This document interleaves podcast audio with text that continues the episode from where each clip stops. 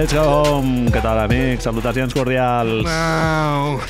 Que bé, és lo, és lo del concurs de mates, lo del Let's go home. Sí. Ho vam dir fa dues setmanes, no? Ho, ho anem dient quan, quan te'n He recordes. tingut, he fet un tuit de merda, he tingut molta atracció, molta gent, lo del, lo del Vince Carter, És Let's curiós, go home... és curiós perquè ho fa els dos concursos, perquè el de el del Zach Lavin i l'Aaron Gordon també Home. ho fa, òbviament. Hòstia, aquell molt heavy, eh, també. Com pot ser que coincideixin el mateix dia els dos? Ens estaven enganyant, no?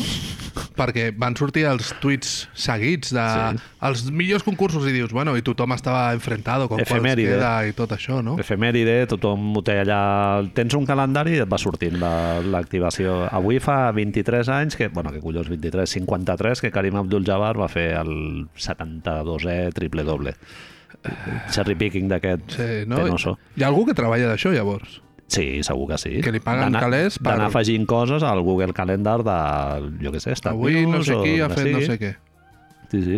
Marc, avui eh, guió eh, estic pensant íntegrament en NBA una altra vegada. Eh? Dos setmanes seguides.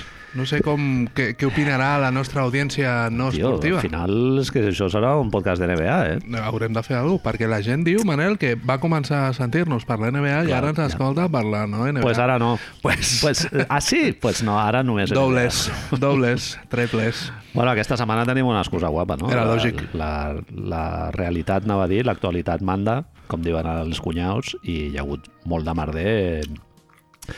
Eh, un, un trade deadline que jo me'n recordo, nosaltres que peinamos canes i tal, abans el trade deadline no existia. Com s'hauria de dir això Era en català, més? Ara que la- he fet molta... La línia de muerte del trade. no sé. De l'intercanvi. A l'últim dia intercanvis o... És que intercanvis, la veritat és que és tan poc descriptiu. És que jo em nego a dir intercanvis. Trade. Sí, no? I tradejar, jo crec que al Tradejar ho final, dit moltes com a molt, en sí. dos anys sortirà el diccionari. És que ara estan fent des de Catalunya Ràdio o RAC1, Ja han algun d'aquests, algú del, dels que fan les retransmissions del bàsquet estan traduint... Estan Tremenda fent- volcada! Anava a dir que estan fent exactament l'oposat que fem nosaltres, no? Que és dir-ho tot en anglès. bueno, però nosaltres vam fer, hem fet l'esforç. Hòstia, no ho veieu, amics, però és boníssim. M'he tret un O taqui sigui, de la boca. el Marc es posa un taqui a dins i el treu intacto Per no fer- per, per poder per no fer- compartir contingut.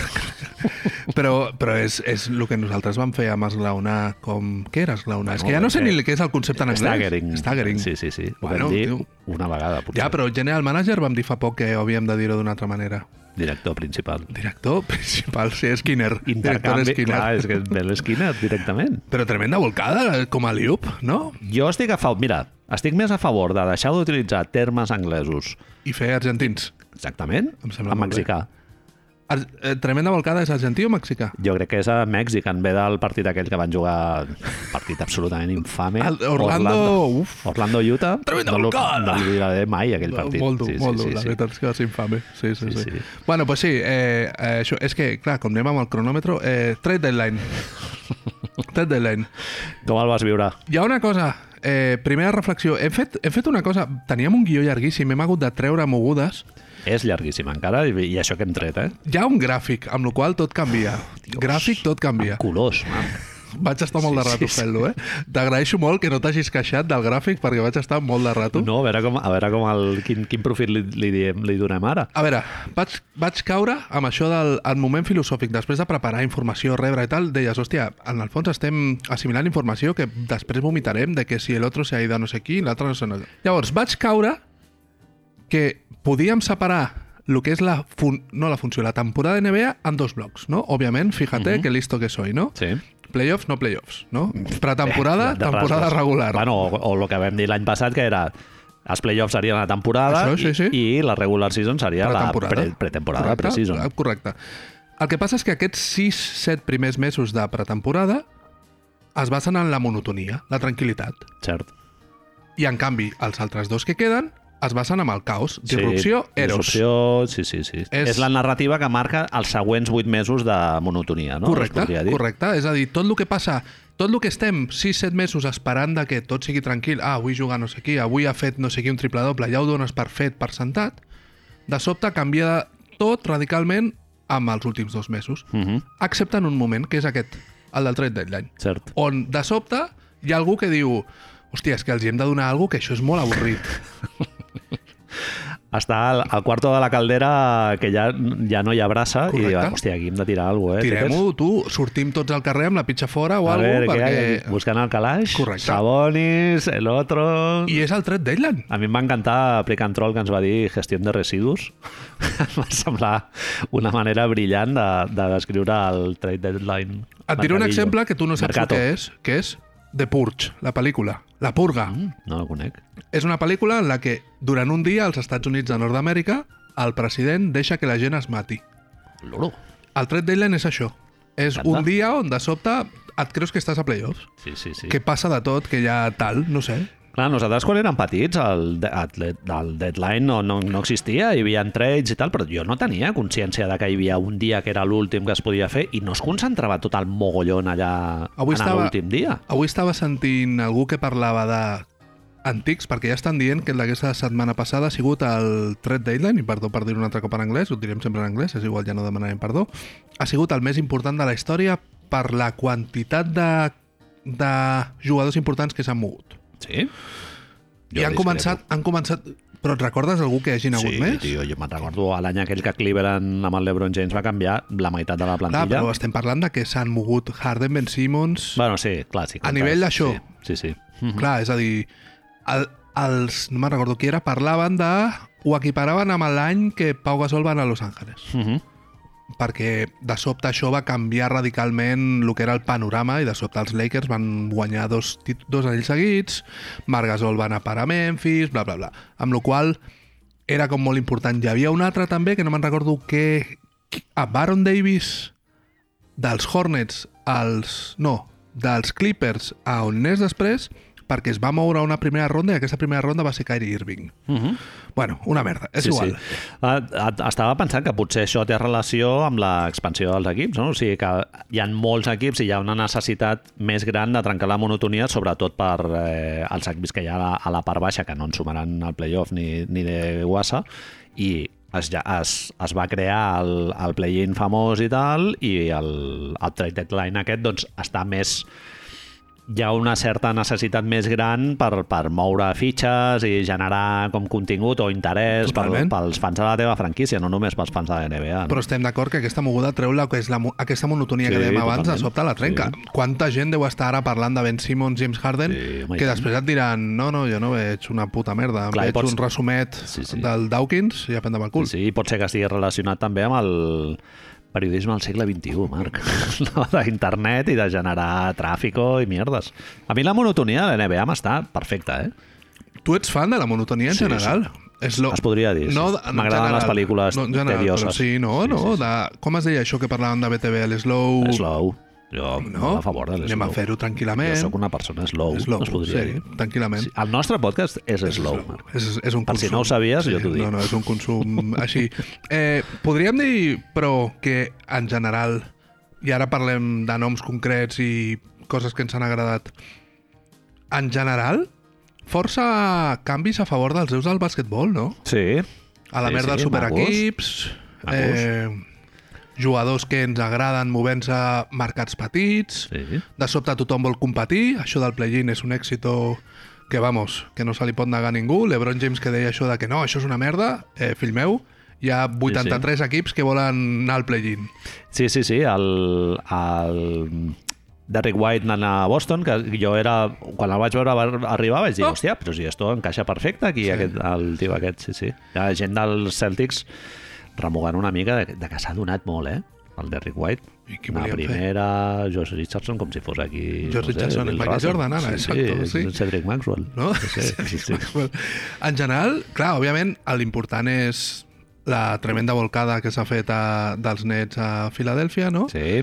però la gent està parlant molt, s'està inflant molt la boca amb això de el que ha sigut, no? Quina llàstima que no ens hem trobat els nets que podien haver sigut i jo et dic, pues, oye, foteu-vos, no? Jo Sí, estic sí, sí. encantat de que hagi un superequip menys, tio. Ara està la lliga molt més competida que fa una setmana. Harden mirant de pujar-se al, al vagó d'un equip- d'un projecte guanyador per segona No ho vegada, havíem vist no? mai, això. Perdó si estic ofenent algú dels Sixers i tal, però és Tenim així. molts seguidors dels Sixers Tens un, en tens un, podcast un trepa, Marc, el que es diu un trepa, que se'n va anar a Brooklyn, pensar que allò era tocar-se el raval a, cada divendres i dissabte i, i posar-se joies al, als dits i va No, veure, no, va no, veure no. que no.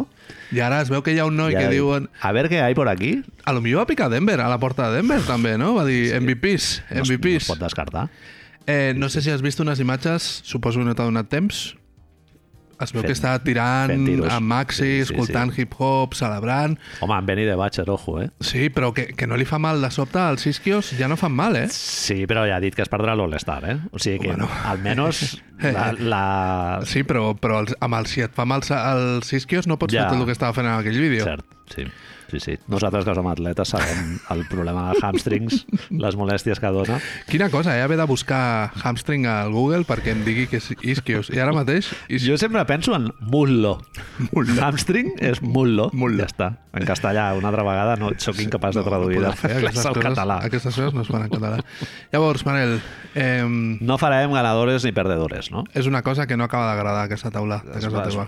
S'han proposat fer coses molt visuals, gifs del Nicolas Cage o portades de Metallica. vam dir una Portats de vegada metàl·liques també. van fer una vegada, van fer, amb el- l'últim cop del Harden, van fer això de noms i cognoms, que no és res, no vol dir res, però ens permet, a partir d'uns noms, Gran format superoriginal. dir coses. Nombres i apellidos. Sí, no? És, és molt Nova Vulcano, no? És el que Nombres farem. i apellidos? Sí, home, sí. Pues ja està. Però clar, depèn dels nombres i apellidos que posis. Correcte. Sí, sí. No posarà el nombres i apellidos, no serà James Harden. No, has de buscar allà... Ah, Ah, darle mica. el twist, darle el toque personal. Ba ba ba ba ba basketball, gimme, gimme, gimme the ball because I'm gonna dunk it. Llavors, quin és el primer que tenim, Manel? El primer que tenim és d'una franquícia en la que es va rumorejar si el Damian Lillard sortiria, no sortiria i tal. Estem parlant de... Bueno, el nom que tenim en el, per donar entrada al, al primer bloc eh, en el que comentarem això dels trades i eh, altes i baixes és el nom de Jody Allen. Jody Allen és... És la dueña dels Blazers, germana del, del difunt Paul Allen, que era el co-creador de Microsoft i qui més qui menys ja sabrà que era l'anterior propietari de Portland i que era un tio que vivia molt a fondo als, als Portland Trail Blazers. Molts calés, eh?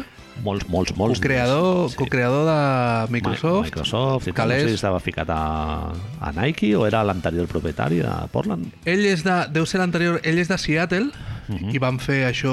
Ojo, ja direm això si Seattle té més a veure o no. Eh, van fer això, va, va comprar els Trailblazers relativament baratos, crec recordar no sé quan és, post Bill Walton, i bueno, la vida li ha, ¿Qué ha se debe? sonreído. ¿Qué se debe? ¿Qué se debe? Tanto, hágase. T'imagines un dia fer, ara que digo, le ha sonreído, fer tot el podcast en, en mexicà, argentí... Eh, seria... És, tot això, ara què està passant? Va- Per l'especial pensar- 100 podem fer això. Va, ja portem més de 100, que Sí, collons. ens queda, pel 200 ens queda molt poquet. Eh, amb tot això del Joe Rogan que ha estat passant aquests dies, aquestes setmanes, estava pensant, això ens podria passar a nosaltres? I saps això que dius, no, i després penses, ai, Hi ha molta merda que es pot treure de context, eh? ai, Que ha sortit per les nostres boquites. que després diem lo de racisme d'esquerres i tot això, però... És racisme. Però d'esquerres, És clar, racisme. i això en principi et dona certa autonomia, no? Sisplau, que ningú es xivi a Spotify i no els hi, no, No, els hi foteu favor. clip.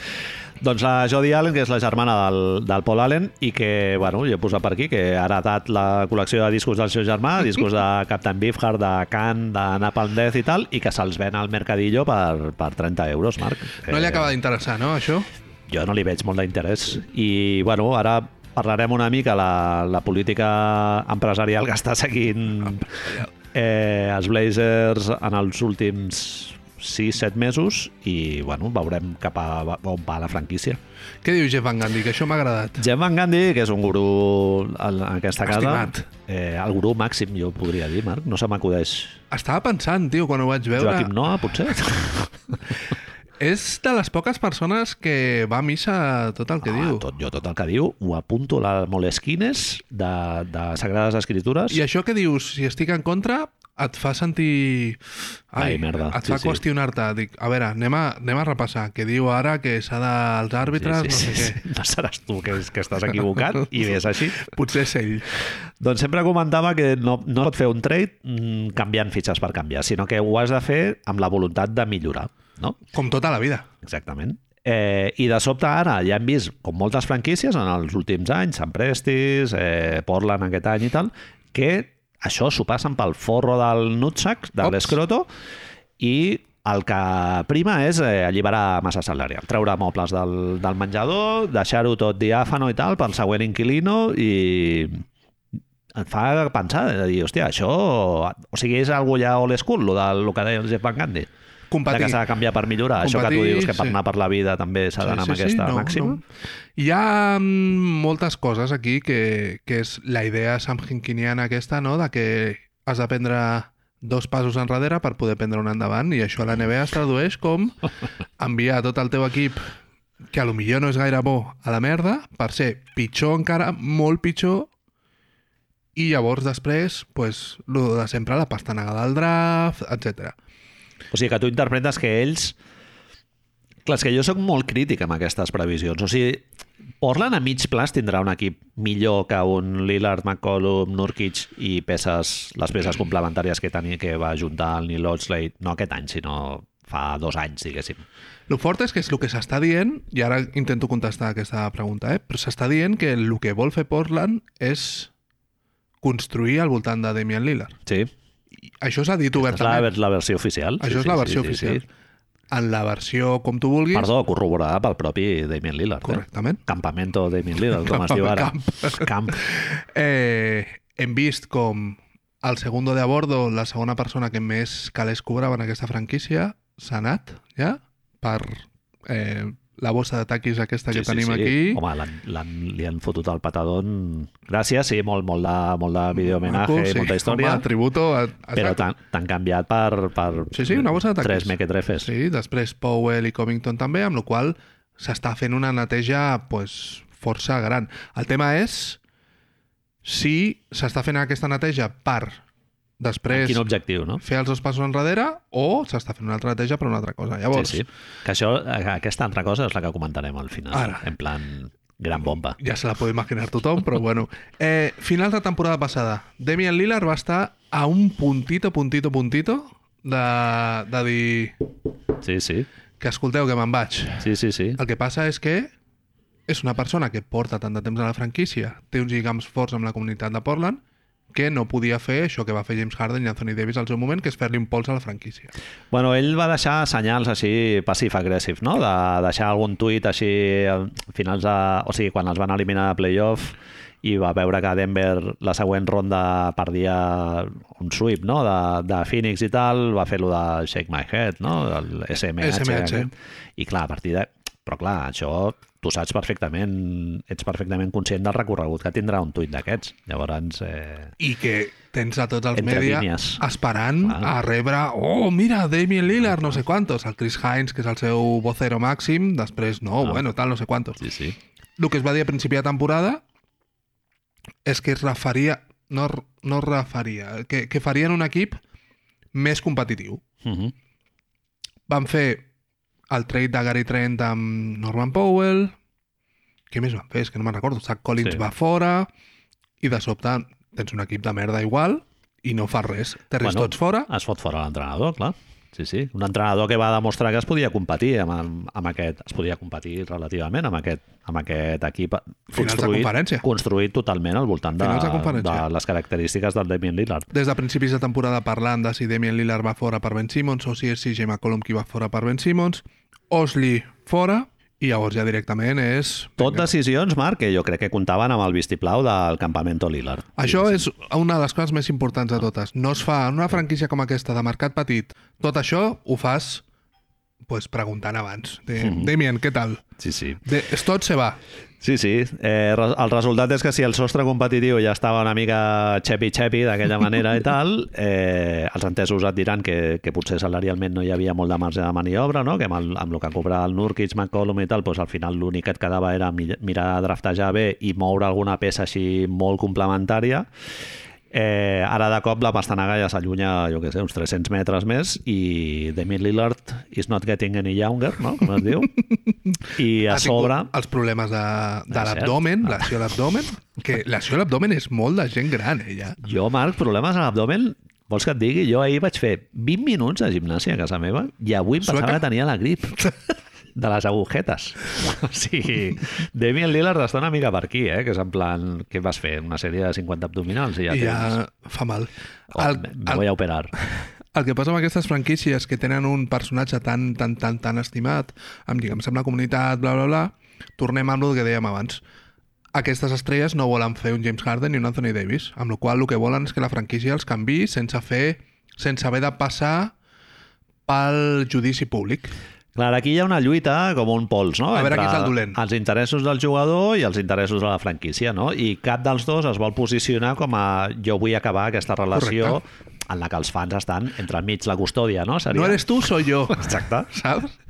Sí, I el que passa és que llavors les franquícies, en aquest cas, Jody Allen, o com estem veient que està succeint també amb Washington, amb Bradley Bill, li diuen, bueno, si tu vols marxar, digue-ho. Sí, sí, sí. Digue-ho. Jo vull marxar, perquè nosaltres no farem el primer pas de deixar-te anar, sabem que a més segurament t'haurem de malvendre, i a més tindrem l'escarni públic dels seguidors. Mhm. Amb la qual si tu vols marxar, perfecte, t'enviamos on tu demanis, bla, bla, bla. Però digue-ho. Sí, sí, bueno, i a més hi ha un altre tema, que és que amb el Bradley Bill també ha passat, no? que són jugadors que tots aquests moviments de... els tuits aquests passius, agressius i tal, es fan amb la renovació de la butxaca, Marc. Sempre. Amb el Això Max, és molt important. el Supermax, en Això el cas del, del Damian Lillard, i en el cas del Bradley Bill també s'especulava que acabava contracte i que sortiria al mercat a sondear, no sé què, no sé quant, doncs pues no. Volia dos anys a 60 milions. Era. Exacte. Sí, sí. I el Lillard també eh, es podia haver plantejat no pillar el Supermax Correcte. i tal, i sortir al mercat, i llavors tu pots escollir... No, no, ell és molt de Portland, molt de los molt, Blazers... molt de la cervesa artesana, molt de la marihuana i dels pobres homeless al carrer, però Sí, necessita seguretat. De fet, fa... Em sembla que era fa un mes o així, vam llegir un article de, de ESPN, de Bobby Marks, que parlava d'aquesta tendència com la, la, la línia dominant del mercat. És a dir, fins i tot... L'explico primer, clar. Eh, agents dient-los als seus jugadors que sempre, sempre acceptessin el max, el màxim de renovació, amb la franquícia que els oferia perquè així tindrien més seguretat econòmica, un any més, més calés, etc. i que després, si no els agradava, ja s'ho arreglarien. Que el cas de Harden o el cas d'Anthony Davis posava un exemple clar de un precedent de què es podia fer. Mhm. Fins i tot aquest article parlava de que aquesta tàctica estava fent ser, fent-se servir per les franquícies, Mhm. per oferir als jugadors que vinguessin, signessin un contracte i que no es preocupessin de la durada, que fessin el màxim que pogués per guanyar calés i que després ho arreglarien. Que això no hi hauria problema.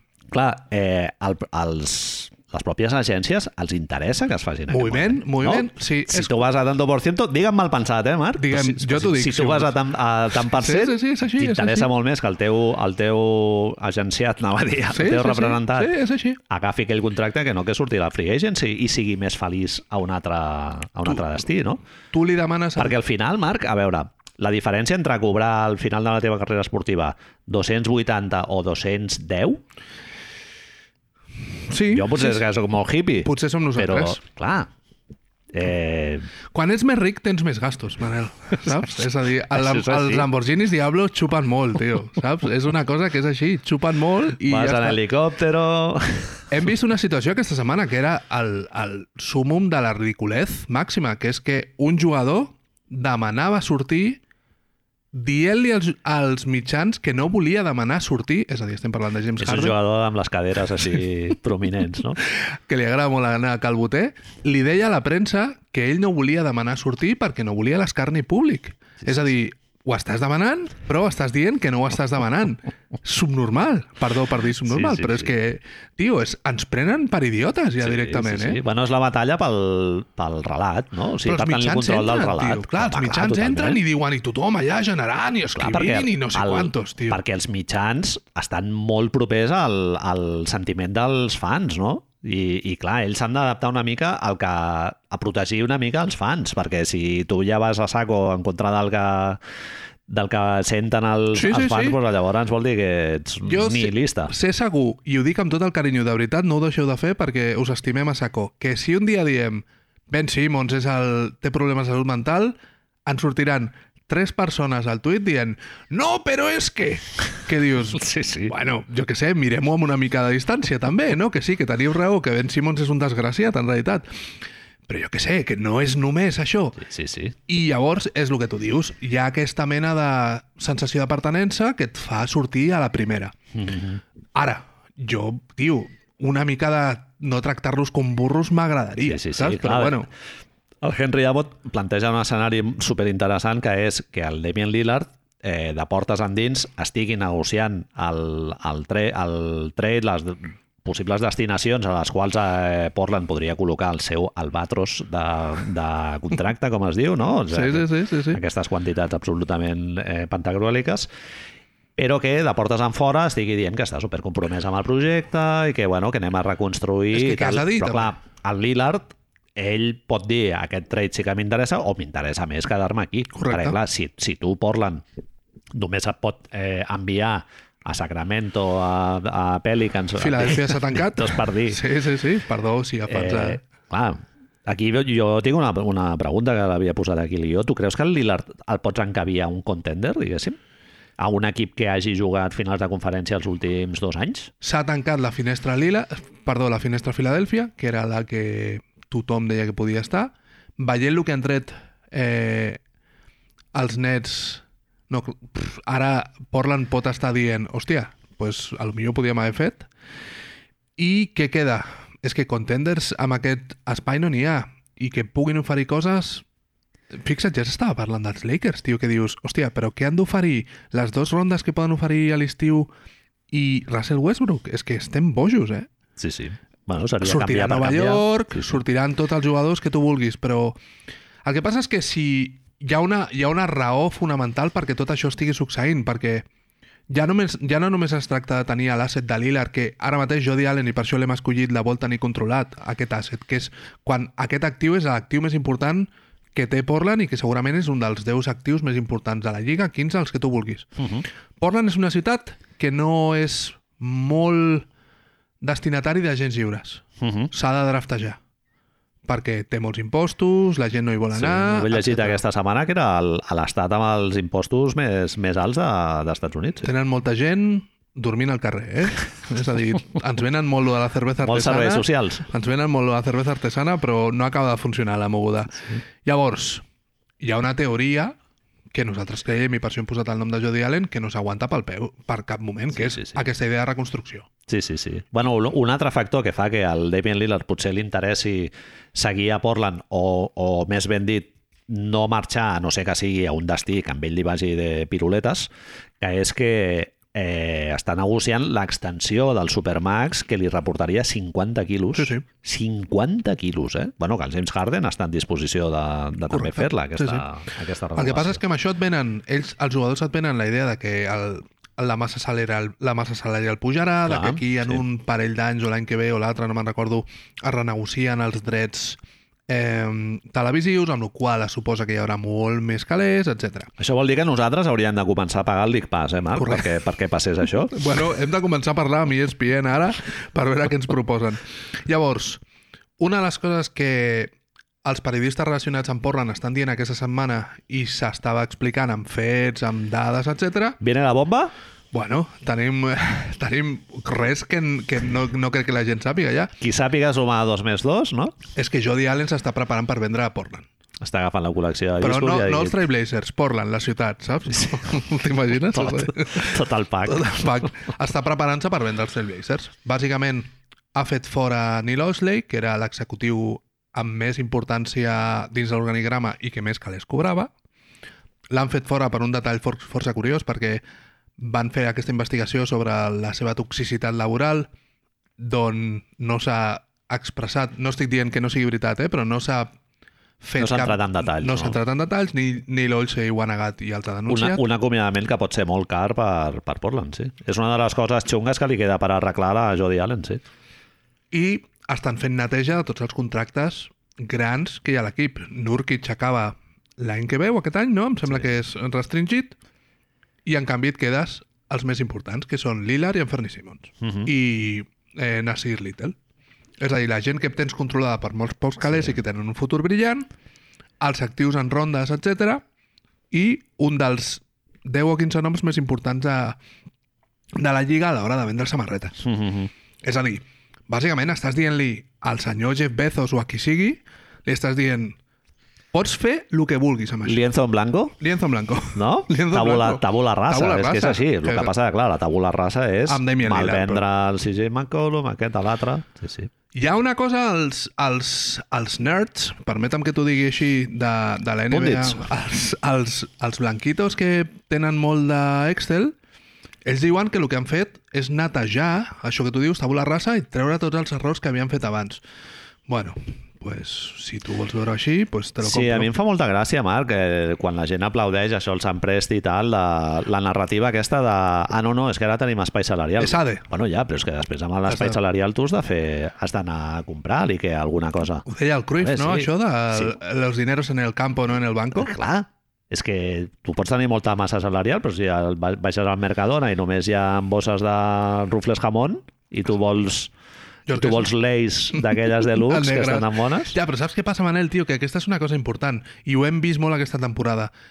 Aquest any hi han com set equips per sobre del luxe i hi hauran 400... Del lujo. Del lujo, uns 420 milions que reparteixen entre tots els equips que no estan en luxe. Explica'm-ho, explica'm Ara mateix hi hauran eh, 21 equips que s'enduran 24 milions de dòlars si no estan. I són calés que van directes a la butxaca, eh? Del propietari. No van a, ni a les arques, ni No, no, no, no, no. per remodelar les fonts de... No, que has quedado el último, eh? No, no, és igual. 24 Cap milions de pavos, per no fer res. Sí, sí. Orlando Magic s'enduran 24 milions de dòlars. Així. Ok, sí, 24 milions. I qui Sí, els sí. paga? Golden State. Bàsicament, Sí, clar, els paga Golden la, State. La gent que sí que està apretant l'accelerador, no? Llavors, tio, és... l'objectiu de Jody Allen és clar. L'objectiu de Jody Allen i, i preocupem-nos perquè ella és de Seattle. Uh -huh. I ara mateix hi ha, Cuidadín. clar, hi ha un equip que vol tornar a tenir... Hi ha una ciutat que vol tenir equip, tornar Sí. a tenir equip de bàsquet a Seattle. I tant. I Sacramento han esquivat la bala amb lo de... Podem estar amb lo del Tyrese Halliburton a favor o en contra, però amb lo dels Sabonis han esquivat la bala, perquè la gent de Sacramento s'ha tornat boja, estan contentes, han guanyat dos partits, Tenen un tio que ha sigut All- All-Star dos, dos, vegades. cops. Marc. Ho poden dir, això, això, banner, ho poden penjar, no? això ho tens allà. Ja tens està, un tio tio. amb un cabell fantàstic. La Vidal, Vidal correcte, All-Star. Correcte. I- Culete cap a fora Et diré i, una i cosa. això és innegable. Ha sigut All-Star dos vegades, Marc, que tu dius... Bueno, Ja, però és que, és, però és que tu l'has vist jugar, l'All-Star dos vegades. Sí, sí, sí, sí. Et diré una cosa de de Sabonis i ara continuem amb això de Jody Allen perquè vaig veure el Eh. primer partit dels Kings. Dime, Domas. Hi ha una Motivat, cosa... eh? És molt motivat. Tant que hi ha una cosa que em sobta, que és que li agrada molt donar cops al cul als seus companys. Com? No estic parlant com el que hagi de ser algú dolent, eh? Però saps això que dius, hòstia, no ho estàs fent molt? Saps? Cada temps mor copets al cul a tothom? No, però, bueno, hi ha altres És parts... lituano, això, És m'estàs li- dient? Pot ser, no ho sé, no ho sé, tio. Bueno, ell ets més de, com de Màlaga, eh? Que de Lituània, també és diguéssim. veritat, també és veritat, també és veritat. És més andalús que lituano. Detall final... No és que estigui dient que la gent andalusa és més gay que la gent lituana, eh? però, però bueno, ho hem dit. Detalls Els clips aquests que deies abans et referies exactament a això, no? Això, Suposo. correcte. Perquè a més li treus lo de... Clar, és que hem de dir alguna cosa, mentre diguis això o digui jo això, hem d'anar dient tot el rato és broma, és broma, és broma, perquè no ens ho podem descontextualitzar, saps? Eh, per riure'ns una mica de la gent rica fastigosa com Hòstia, Jody explica'm Allen. això de la Jodie Allen, que, o sigui, m'ha deixat el cul torcidíssim. És una de les coses que si fiques Jody Allen al Google surt, eh? No has de fer gaire informació, però ells s'han encarregat, quan dic ells, dic la família Allen, s'han encarregat de que no sortís molt. Eh, Jody Allen va haver de deixar el Algú, seu... algú que entra a Wikipedia cada dia per netejar el, la merda que posen allà, no?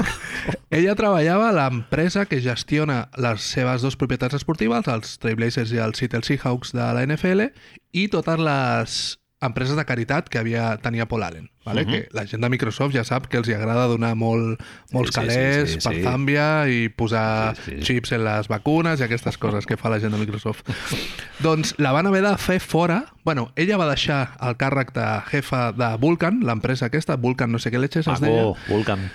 perquè, bueno, la van trobar, la van acusar, i és que això que dius, a veure, vaig a tornar a llegir-ho, això, per... Gif de netejar les ulleres, sí, no? sí, sí, sí. Contraban il·legal de calaveres de pingüins. Os! Qui vol Calaveres de calaveres pingüinos? de pingüins, tio? Lo típic, que quan tens diners dius... A veure, ha? calaveres, sí, que Què- sigui és molt que petit. No compra? què és el que no compra el, la xusma, el populacho? Què vols? Una calavera de pingüí bebè. Maquíssim. Saps això que ho llegeixes i dius... vaig a posar-ho al traductor a veure si no és això. I no, no. Diu, bueno... Que no es refereixi a un cotxe últim Sí, model. sí, sí, sí, sí. Marfil, també, contraband de marfil. Això que li ja agrada sabem. matar els elefants i Això, tot això sí que ens ho compraríem tots si tinguéssim diners. si fóssim rics. I llavors, una senyora que és... També clar, dius això, sóc bilionària, doncs vaig a dedicar-me a fer assetjament sexual als meus cossos de seguretat. També? Sí, bueno, tio, Jody Allen? la vida, la vida són dos dies, Manel. Home, doncs això, com Allegedly. Com- Sempre, perquè Com ens heu fent els talls. Com s'enterin els advocats de Neil Oisley i... No sigui que treguin allà Home, uns... pot haver un pastiza, una mardarada allà al Pues sí, judici que en No no rius amb tu de l'O.J. Simpson, eh? Això està tret de Reuters, eh? No t'ho creguis que m'ho he inventat jo, eh? Tipo... Reuters. Reuters es pronuncia Reuters. crec. Reuters. Sí, és a dir, Sí, sí, així sí, que sí. tremendo, Sí, tio. és de Putos ricos, tio, en general, saps? És és que per això no podrem tenir mai un equip nosaltres, tio. Jody Allen. Perquè què, què, per què collons vols una calavera d'un pingüino, Deixa tio? estar, pingüinos, tio. Però no Lo un pingüino, eh? Dius, no, no, és que un pingüino li ets de donar de menjar No, però segur que el agafen viu i... Li treuen allà davant d'ella. Davant d'ella diu, ara vull la calavera i Té la textura, després la textura de l'os... el cos funcioni sense, sense la calavera. El pobre pingüino, saps? Fent un, Un pollo sin cabeza. una massa, una massa de, una gelatina allà caminant. Que, quin soroll fan els pingüinos? Ara no t'ho sabria dir. Hòstia, sabria dir quin, quin soroll fan. Fan un soroll lau, Fan no? soroll, Sí. Bueno, ja, el- però bueno. Haig de dir, els flamencos Sí? Fan un soroll molt sorprenent quan tu els escoltes, eh? Un Cap- graznido, però absolutament com una balena quan et mata cridant, eh? O sigui, Recorda que vam explicar una història una vegada de... Què era el bitxo aquell de la comunitat de iaios? Era una cigonya? sí. No, no, no, un... Un, Un pelicano? No, un Què pavo era? real. Un com es pavo diu? real? Un d'aquests. I el senyor que va encarregar la mort del pavo real deia que era com la sirena d'un d'un refugi antiaeri o alguna així, eh? Ho descrivia. Hòstia, un pingüino? Hòstia, el soroll del pingüino, tio. Ara... Que algú ens el posi. Per això tenim gent que ens escolta aquest programa, Manel, tio, que algú ens posi el soroll de pingüino. Demà vull un link de YouTube de Sí. una hora de sorolls de pingüinos, tio. Gràcies, comunitat Cable Canter. Això és Amb el... autotune. bueno, Marc, els següents noms haig de dir que no són els més originals del món, però és inevitable en una jornada parlar-ne. de trade deadline, aquesta paraula que l'hem dit ja unes 73 vegades i que encara sortirà unes quantes més, previsiblement, no es poden no dir, que són eh, Shams Charania i Andrei Wojnarowski, no? Que, Els- que ja ningú diu ja Shams Charania, ja és Shams, Shams i Woj. I Woj. Sí, sí, Els sí. nostres herois. És, és, és, Los Reyes. És el més divertit, tio. És que tu no... Estàvem parlant per als internets i cada cop miraves Twitter i cada cop anava sortint una cosa nova i dius, uah, tio, això és, és tremendo, és tremendo. Jo et vaig dir que Woj, jo, a mi si em diuen escollir entre les tres últimes franquícies de la NBA, Sí, sí, sí. sí. Sena Orlando, jo què sé, qui sigui, Houston, no sé quantos, o treure el Woj, a mi em poses amb un compromís. Estem en eh? 27 equips. Estem, fem un parell, quedem-nos 26, traiem 4. Jugada rodona, Sí, sí, sí, ja està. Im implosió, no? El contrari d'expansió, implosió, Si i, hem d'escollir- i seguim Jo- Woj. Jo crec que és una mica injust que Andrew Wojnarowski estigui una empresa. És a dir, ell hauria de ser un nen eh, holístic que estigués per sobre un, És una mena de Déu, diguem-ho clarament. Un... Que formés part de la Charles NBA, Manson, però... Charles Manson. Exacte. Saps? Una mena de gurú, Sí, això. oixo. Això, Sí, sí. això volem això, tio. I important que se li permetés a la All Access All i que pogués dir les animalades que, se, Cap que se li problema, acudís. cap O sigui, problema. tot el relat, que tingués independència total pertanyent a la NBA, per tenir tot l'accés. Si Andrew Wojnarowski fes un Patreon i aconseguís llavors llibertat eh, executiva, però a canvi de que nosaltres li paguéssim 3 euricos al mes, 4, 5, únicos. entre els seguidors del món, té 7 milions de seguidors a totes les xarxes. Si 7 milions posem un puto pavo, Home, el fem ja, es pot comprar un equip en un temps. sí, sí, sí. Saps? Cobra més que Goran Dragic, cobra. Saps? Uoc de dueño. Hòstia, això seria...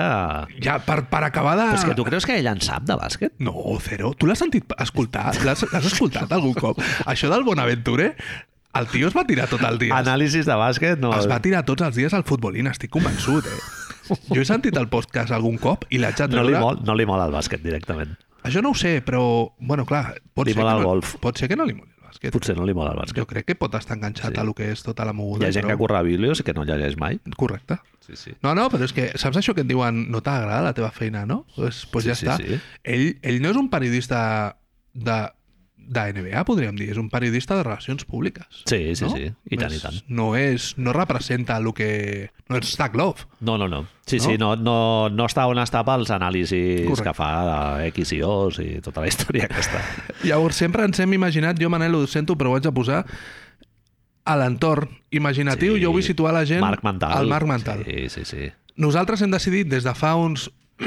Perdó, hem decidit des de fa uns anys que els dos viuen en un marc mental, força, en una realitat força diferent, que és que Andreu Wojnarowski sempre està nu a la seva catacomba, entre capses buides de, molt important, telepizzas Volcano Nachos, Telepi. que són aquesta pizza que tenen dins, al mig, fan una, amb la massa una pujada, posen formatge aquest de merda de Nacho i et donen Doritos perquè tu suquis. Jo anava a dir, la caixa d'aquestes pizzas no deu ser No. d'aquestes de 5 centímetres de gruix, no? Deu, deu tenir una forma... especial, sí, ah, sí, correcte. Sí, I el repartidor repartidora que te'l porta ha de fer, ha d'anar amb cura, perquè, clar, això es pot moure tot, saps? Si no? Així que tal.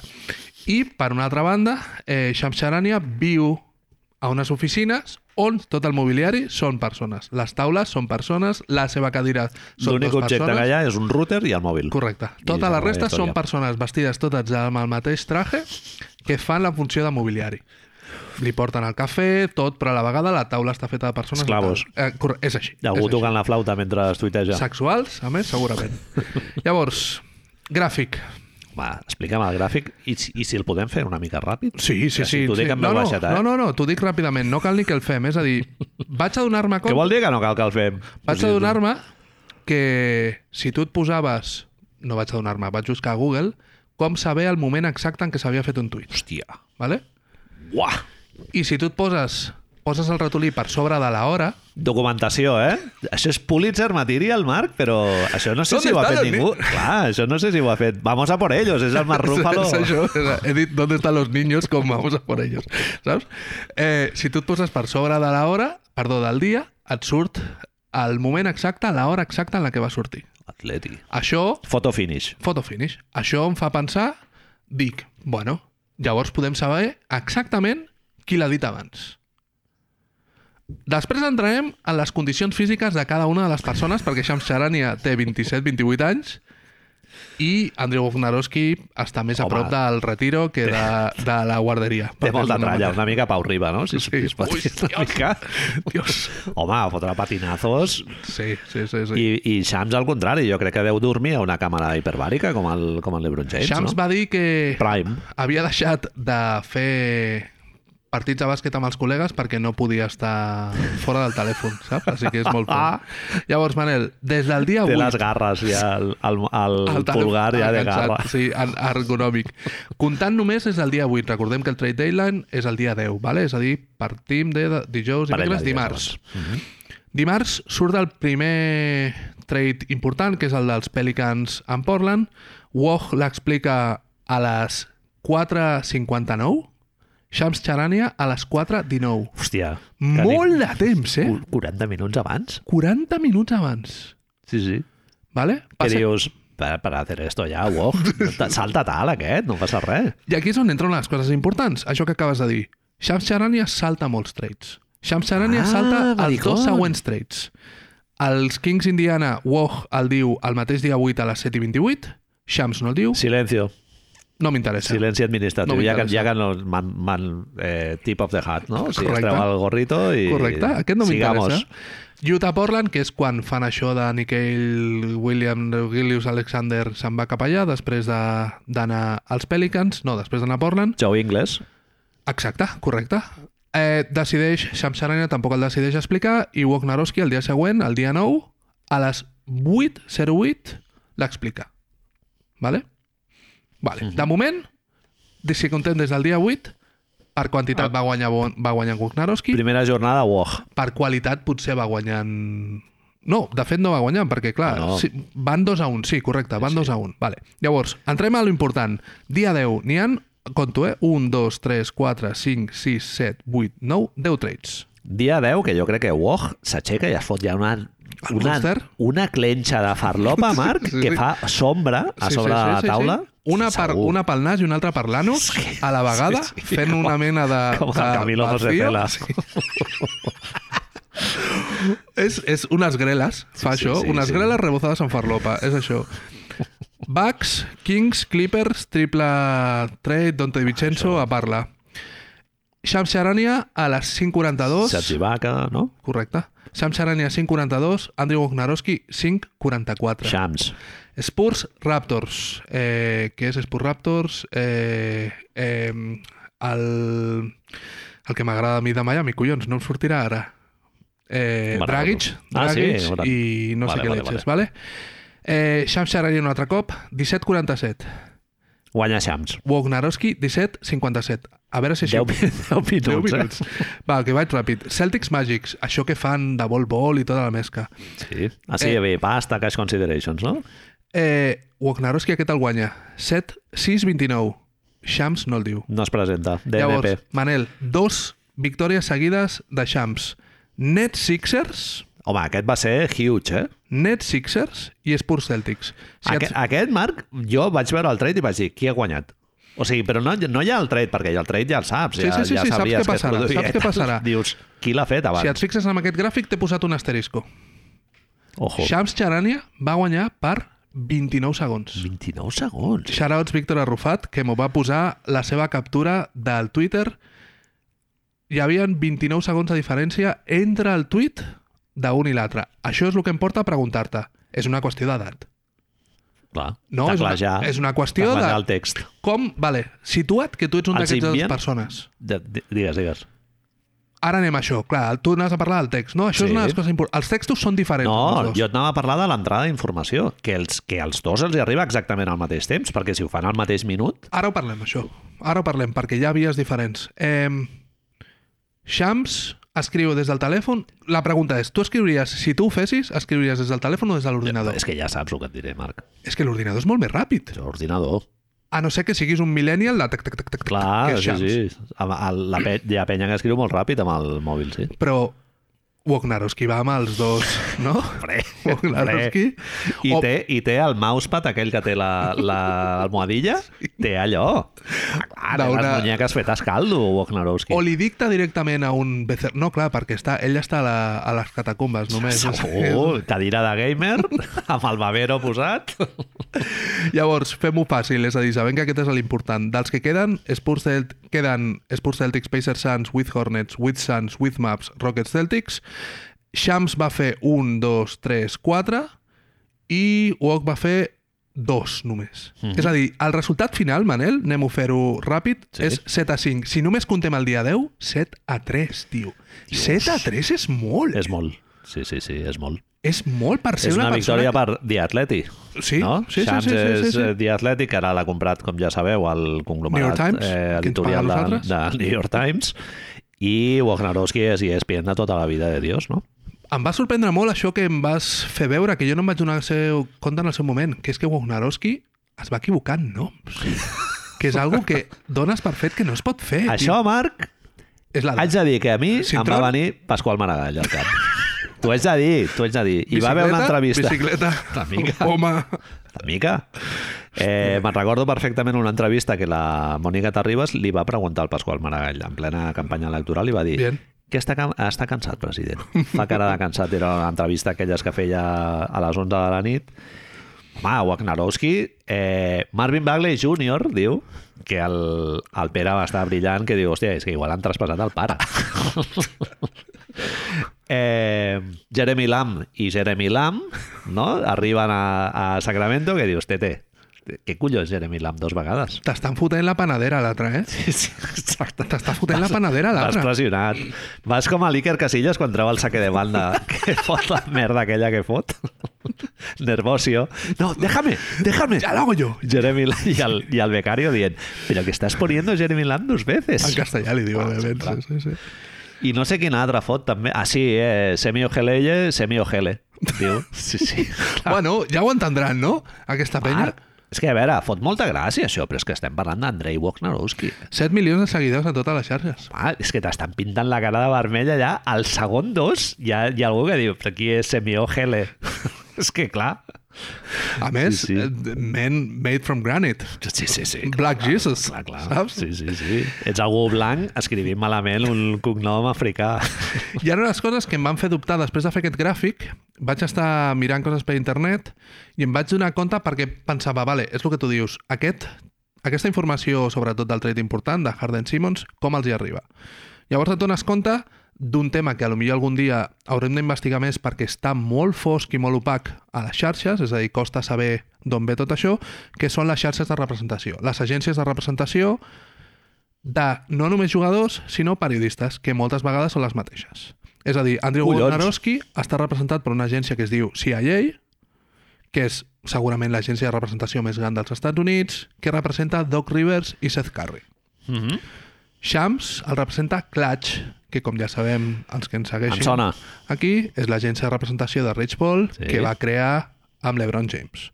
El que passa, Manel, és que Rich Paul abans treballava a CIA Hombre. i l'Ebron James abans estava a CIA. Mm -hmm. Llavors, hi ha un historial força curiós d'articles negatius d'Adrian Wojnarowski cap a Clutch Sports Sí. I l'Ebron James. Sí, sí, sí, això ja he viscut d'elles i em sembla, clar, eh, però això va en contra dels interessos de E ESPN, també. De el fet- que passa que Woj té els seus propis, la seva pròpia agenda, no?, segurament. Correcte. De fet, això parla d'un dels moments que parlarem després en el següent bloc, però ja l'avancem ara, d'uns dels moments més ridículs que hem vist amb aquesta Free Trade Deadline, Sí. que és Andrew Wojnarowski altre, negant un altre moment, Pasqual Maragall, si em permets. Sí, sí, sí, sí, absolutament. Que, que... Absolutament. Negant la informació d'un col·lega seu, que és Brian Winghorst, dient que estan negociant. Brian Winghorst és Molt proper a l'Ebron James, el no? Comenta. periodista que cobria els Cavaliers eh, quan l'Ebron James estava allà, es van fer molt amics. No sé si el representa Clutch, però tenen una relació directa.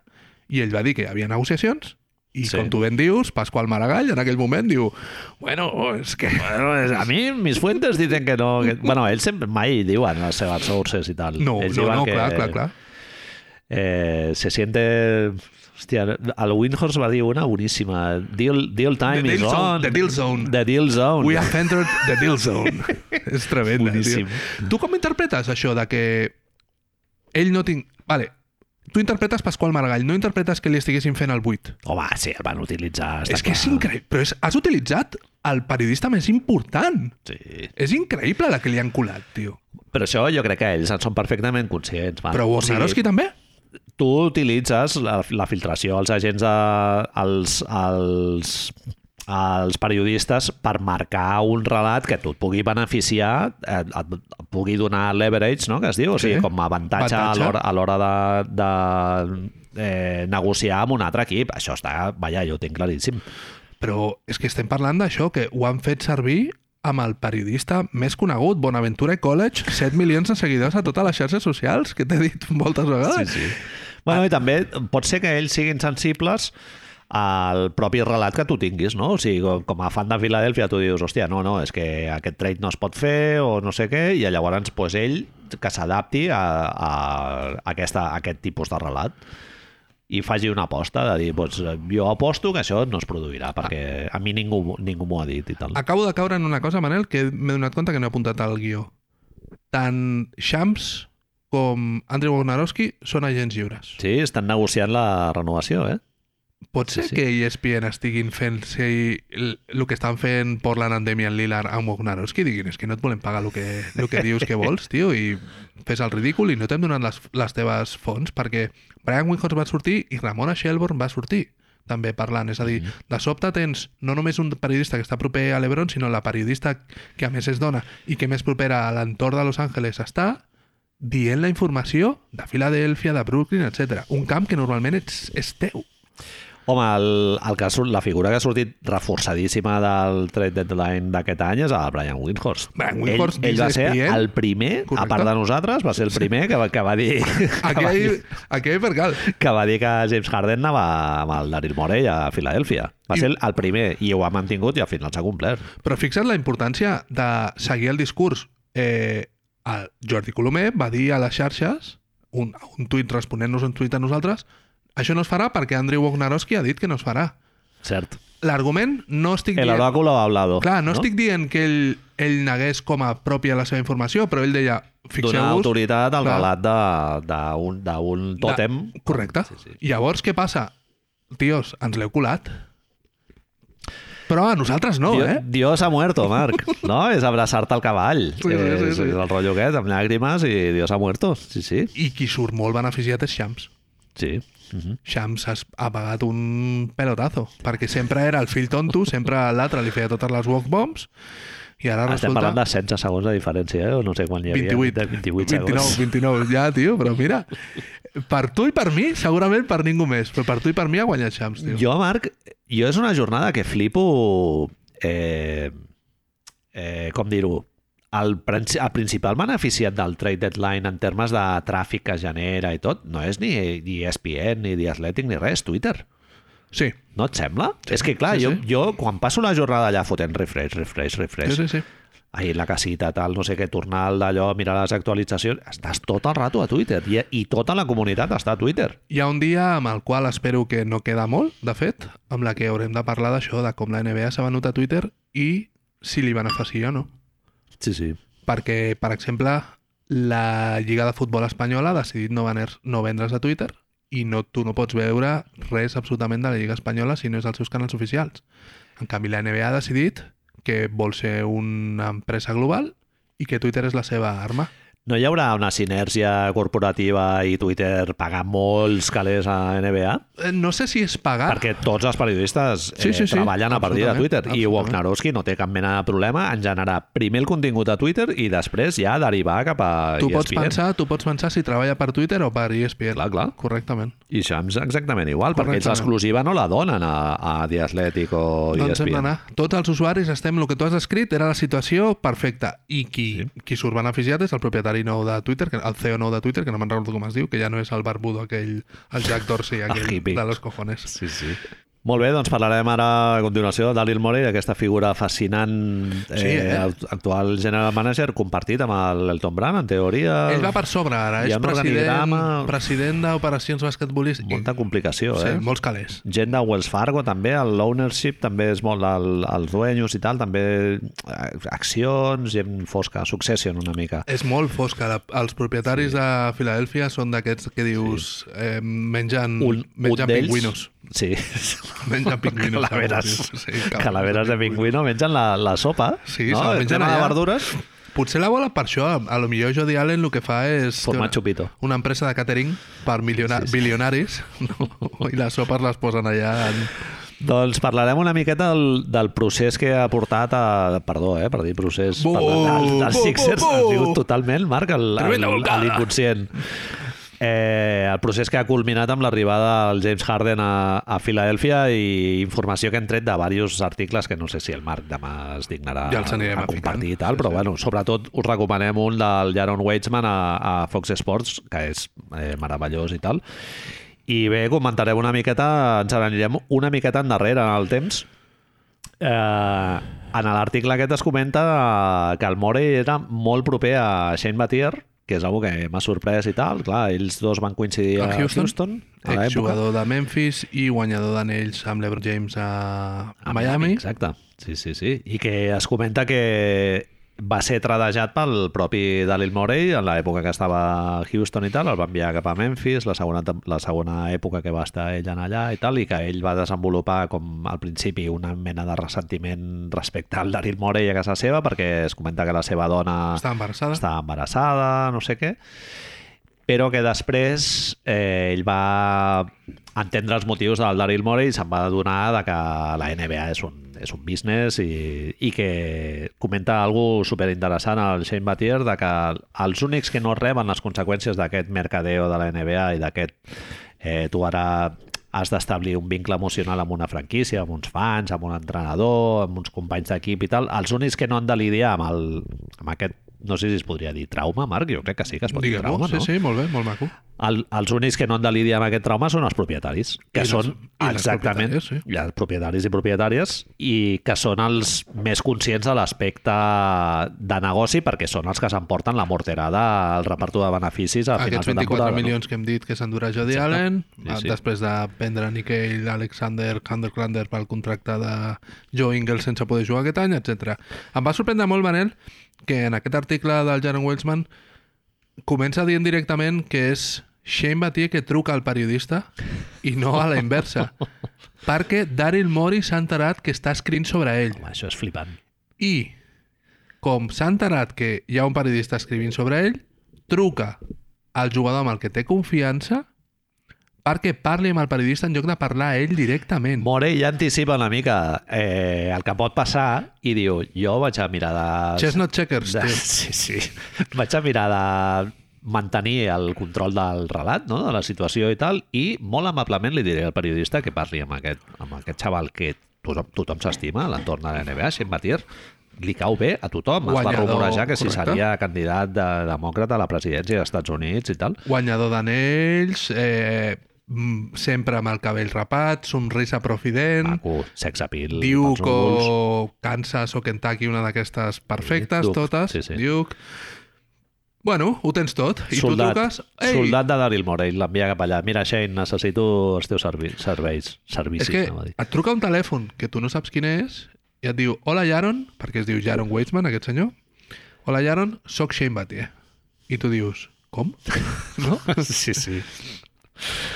Eh, sí, sí, flipant el control del Dalil Morey i tal, i bueno, parlarem una miqueta de, de això, una mica de cronologia, com ha arribat el, el Harden en allà, i també analitzarem el relat que s'ha pintat o el retrat que s'ha fet del Daryl Morey i també als, al, als mèdia d'Estats Units. No? Se'l ven com un heroi, directament. Se'l Sí, ven sí. com l'heroi del capitalisme blanc. molta gent dient que, hòstia, que és el gran...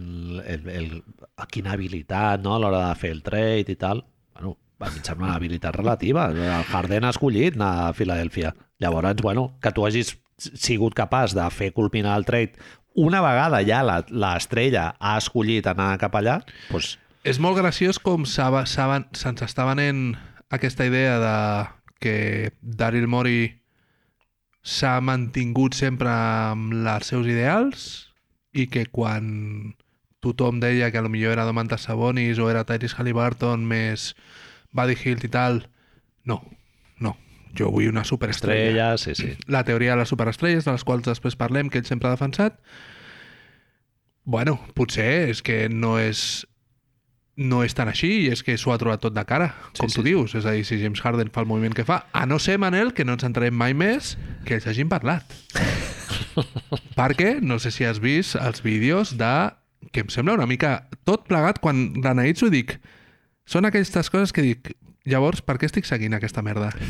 James Harden baixant d'un jet privat que és de Michael Rubin, del propietari dels Sixers, Sí, i a, al final de les escales està Daryl Morey i es fan una abraçada i James Harden fa un saludo i tal. Tot el context d'aquest vídeo és que em fa venir ganes de vomitar. Sí. Bueno, que ja estava fet, feia mesos, no? Bueno, no, home, sí. fet feia mesos no, però el, el dia que baixa i tot, però dius, hòstia, a què, a què, estem, què és el que estem seguint? Què és el que estem fent aquí cada diumenge, dilluns, sí. parlant a, a casa teva d'aquests desgraciats? Molta gent ha subratllat que de Filadèlfia a Nova York, ha, o sigui, de Nova York a Filadèlfia hi ha 90 minuts en cotxe. I ell va en jet. Eh, Hi ha Privat. gent que ha comentat que si ve de Houston i tal, però bueno.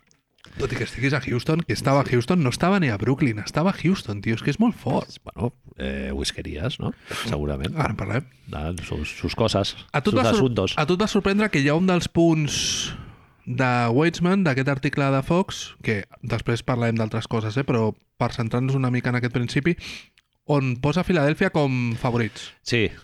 A mi això m'ha sorprès, Marc. I- i Favorits és un- de l'est o favorits en general? No, no, de l'est, de l'est, sí, sí. I és una que ja vam veure a principis de la temporada. Els galàcticos sempre són els favorits, Marc. O sigui, quan tu Juntes. juntes estrelles i no sé què, ja ho vam veure amb Gary Payton, Cal Malone, quan van arribar allà a Los Angeles i tal, ells són els favorits. Dius, bueno, és que no han jugat mai junts encara. Pot sortir bé, com el cas de Durant amb els Warriors, però Eh, pot sortir malament, com el cas de Harden amb Durant i Kyrie. O el, el, el, Gary Payton. El Prokhorov, no? Va juntar Li va malament. mogollon d'estrelles a Brooklyn i va... és que hi ha mil exemples, Marc. De fet, lo normal és que surti malament. Correcte. I, I el relat que es ven des dels mitjans americans i tal és que ja està fet. Són els principals favoritos i tal. Bueno, perdona, principals favoritos. Fins que es demostri el contrari, jo crec que és a l'equip que ve amb, amb, amb, Amb l'anell posat. a- havent competit per sobre de tots els altres equips. Després tu ja veuràs. I segurament després hauria d'estar l'equip que ha lluitat contra l'equip que ha guanyat l'anell. Exacte. Però és que ja estem... Ara mateix, fixa't com és la, la situació, eh? Ja no només Milwaukee. Phoenix està fent la temporada Home. a lo millor més important de la seva història Des de Golden State, es pot dir, sí, sí. i de sobte ja no. No, no és que mira, tenim aquests canvis de cromos, Sí, sí, però sí, és que és sí. el que dèiem al principi. Estem... La monotonia s'ha de trencar d'alguna manera. I si alguna cosa saben fer aquests desgraciats és fer negoci i fer anuncis per la Super Bowl i fer totes aquestes coses, tio. I ara de sobte estem parlant d'un vídeo de 3 segons de James Harden baixant d'un avió privat i fent-se una abraçada amb Daryl Morey, tio. És que és molt boja. Sí, sí. Són, com dèiem, són dues opcions molt grans en les que partia Mori. Sí, i per mi, si realment ell hagués sigut capaç de desplegar una de les opcions que no és la que s'ha culminat, per mi tindria molt més respecte que no si hagués fet alguna que ja tothom creia que acabaria Que passant, no? que és que el, el Morey s'ajunti amb el Harden com eh, Tothom s'imaginava què passaria. refresqués o, sigui, o re, reedités la relació que tenien a Houston, no? i que és el que, el que s'ha acabat, acabat donant.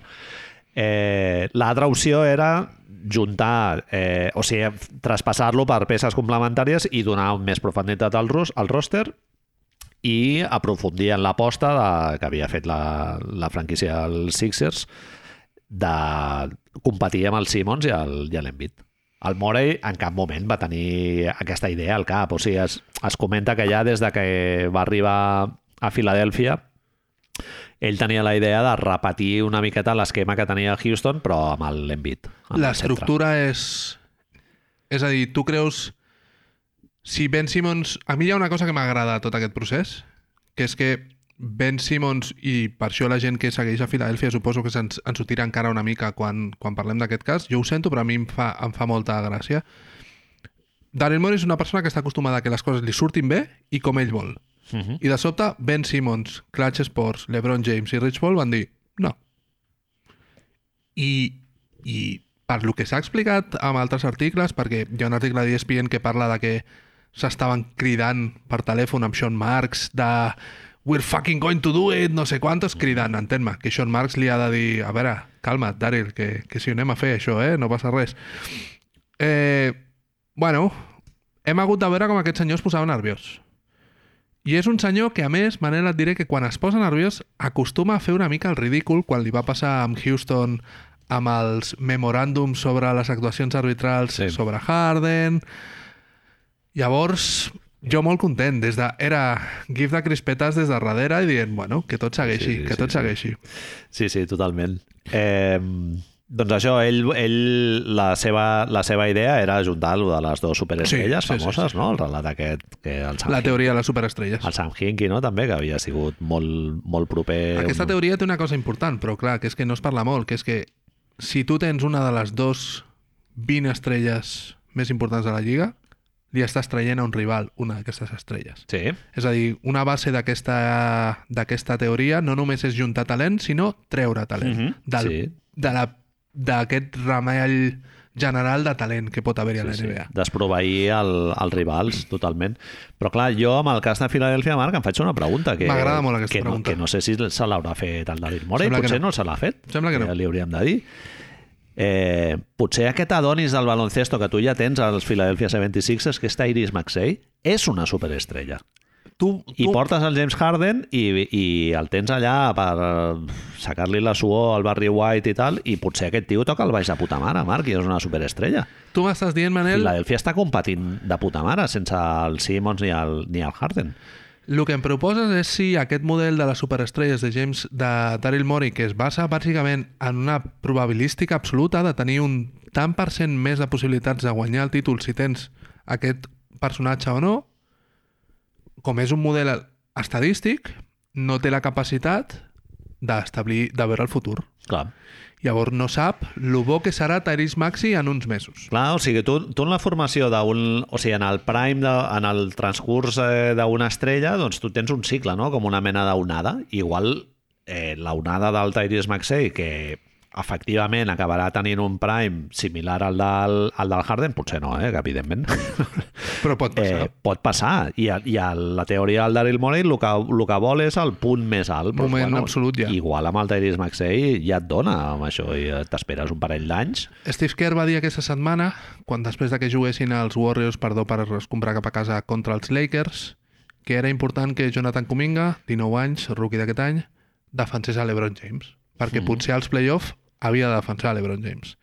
Llavors, és curiós que els Warriors mateixos, que són un equip que acostumaven a seguir aquesta teoria de, de les superestrelles i de veteranos, gent curtida, etc, per unes necessitats econòmiques s'estan donant compte que necessiten desenvolupar els joves d'una Ah, manera més especial. Estem veient com Memphis és un dels equips més joves de la Lliga i són ara mateix el quart, cinquè millor equip de tota la competició, amb la qual bueno, se li pot, jo crec que se li pot tirar molt encara això que estàs dient. Uh, potser estàs tapant, posant portes al desenvolupament d'una futura estrella. Totalment, Marc, i des d'aquí nosaltres tenim molta simpatia a projectes com el de Denver, Toronto, Miami, no? que, que han sigut capaços de tenir paciència i desenvolupar jugadors, formar-los i, i d'allò, i semblava que era el que tenia Filadèlfia ara amb el Tyrese Maxey, el Matty Stable també, i ara et ve el More i et diu, no, no, és que jo el que vull és Galàcticos. I jo vull competir ara. i vull la xequera, i vull tios, i vull fanfàrria, i vull Telecinco, i vull Valerio Lazarov, i, i,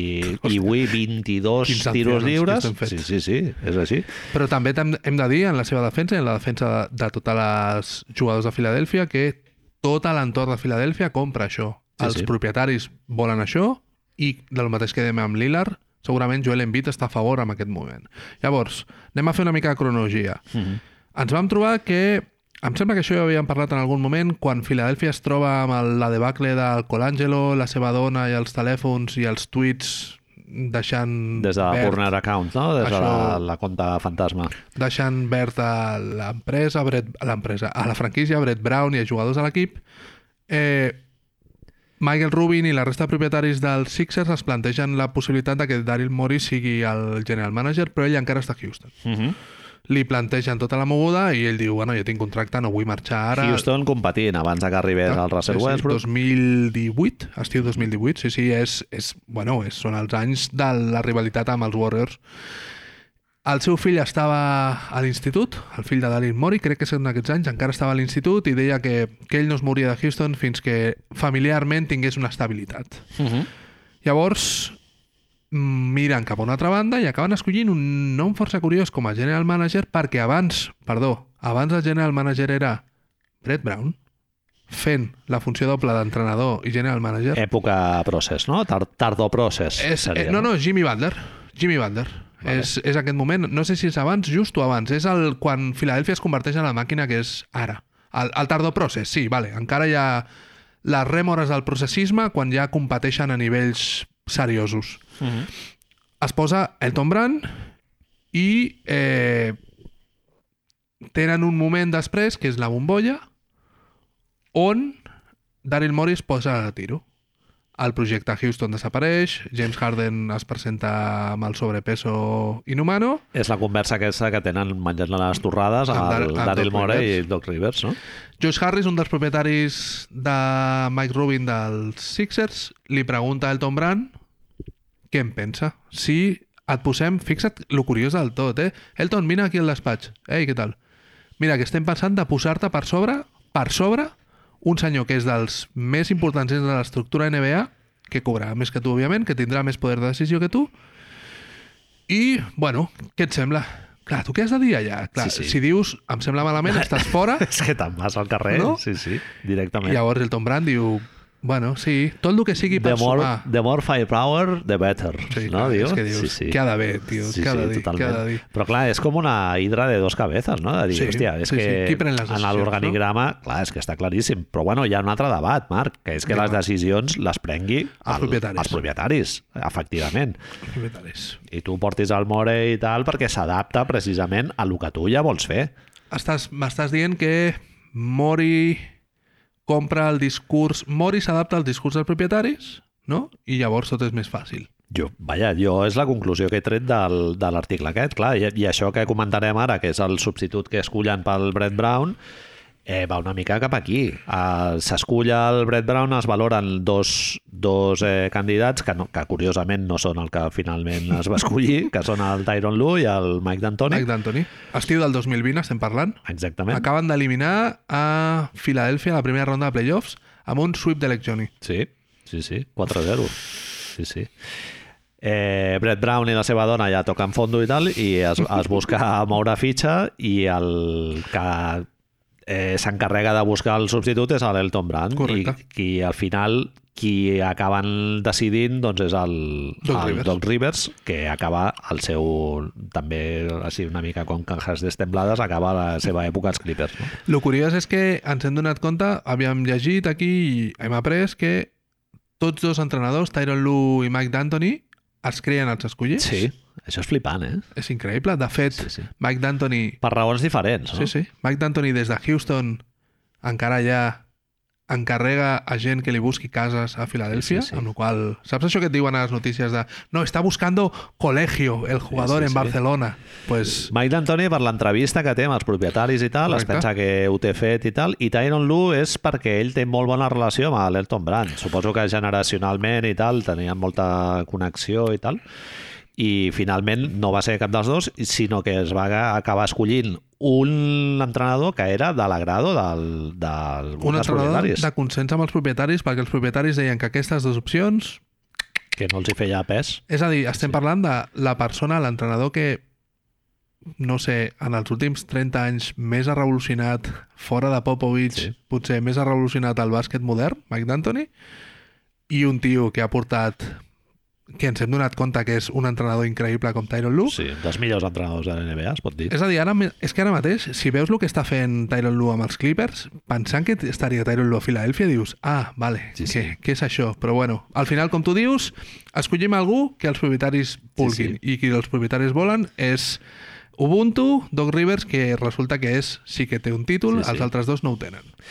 Just després comença a sonar eh, el, la sortida del Daryl Morey a, de Houston i tal, Ui, i tots es, nerviosos. es, plantegen, es plantegen que vagi a Filadèlfia i finalment un dels propietaris li planteja al Doc Rivers, que recordem que l'acaben d'anomenar i tal, li comenten que com veuria que vagi el Daryl Morey. Es, eh, el Doc Rivers en, va tenir una entrevista amb el, amb el Daryl Morey El volien a Houston, per anar a Houston. perquè el volia James Harden. Volia James Harden. Ah, hòstia, això no ho sabia jo. El volia Daryl Morey, el volia James Harden. Era l'entrenador de consens un altre cop. Mm -hmm. Hòstia, el Què Doc dius? Rivers, quina bona Eh, premsa que té. Ja, tio, és increïble. Sí, Sí, eh, Que li preguntin, per què no li pregunten al seu fill quina opinió té del seu pare, tio? és que és molt fort, tio.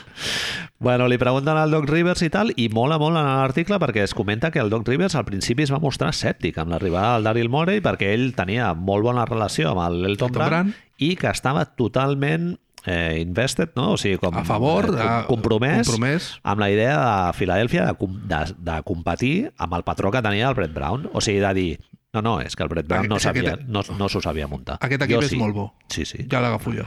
Jo agafo el Simmons i l'Embiid i els problemes que hi ha hagut d'encaix i tal, doncs jo seré capaç de fer-ho funcionar. I clar, el Doc Rivers, l'arribada del Daryl Morey, com la interpreta, no farem això.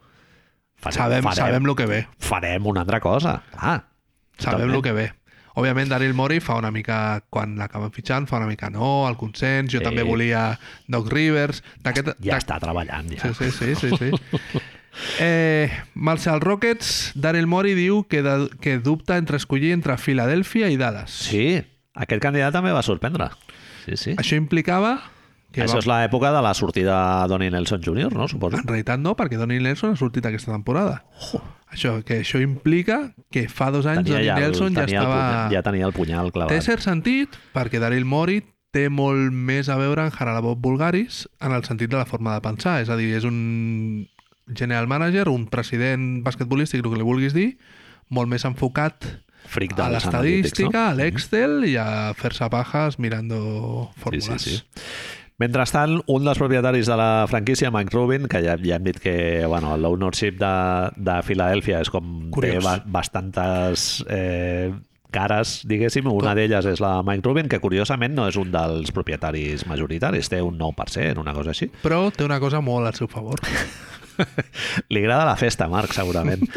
I es veu que és molt col·lega de James Harden, amb qui, lògicament, el Daryl Morey tenia molt bona relació, i va apretar per accelerar la incorporació del, del Daryl Morey, quan- lògicament, quan va plegar de, de Houston. És a dir, Manel, que en realitat tot això que hem vist aquesta setmana podem dir que és un plan que s'està gestant fa dos anys. No? Les fitxes eh, porten, els camins porten ja cap a Roma, no? O sigui...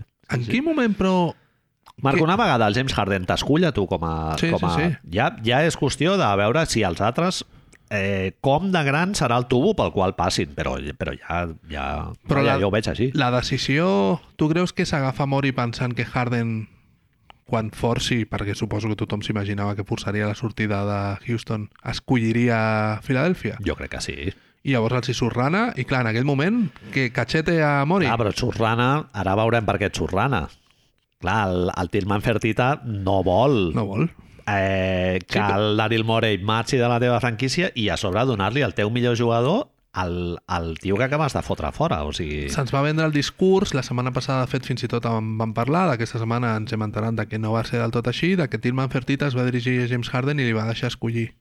Però després nosaltres ens hem enterat que Rafael Stone, el, el ex ajudant de Daryl Morey i nou general manager de, dels Houston Rockets, el que va fer molt intel·ligentment és aprofitar-se de l'interès de Filadèlfia per fer que Brooklyn pugés al màxim sí, la el seva oferta. El, el Daryl Morey es veu que confiava que el Rafael Stone, si la oferta de Filadèlfia fos molt bona, ell confiava que el Rafael Stone li fes veure al Tillman Fertita de que, joder, que T'estic oferint no tot et això. deixis, no et Sí, deixis sí. portar per temes Clar, personals, sinó per- que és la millor futur. oferta. Clar. Però al final es veu que Brooklyn eh, va entrar en tot, va ficar tots els pics que es poden posar i, i més, eh, cheque regalo de, de l'Express, el, que, el que sigui, La targeta del, de la Matller amb tots els descomptes tot, tot, també. tot. I, i, bueno, i després el, el Daryl Morey en una conversa privada amb el Rafael Stone li va reconèixer que la, la millor oferta era... O sigui, en, la, en el bid war aquest, o sigui, la guerra d'ofertes entre Filadèlfia i Brooklyn, ell va reconèixer que la millor oferta era la de Brooklyn. No? Hi ha una cosa important... Però no passa res, Marc. Eh.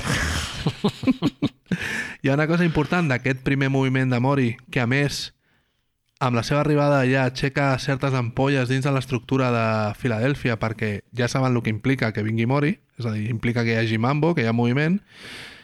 Aquest primer moviment, del qual es va enterar tothom i del qual aquí van parlar i van parlar tots els mitjans que es dediquin o que vulguin tenir cert interès per la NBA, implica que de sobte acabes d'arribar i el primer que fas és moure el teu segon intentar moure el teu segon millor jugador, que a més dona la casualitat que emocionalment no és una persona molt estable.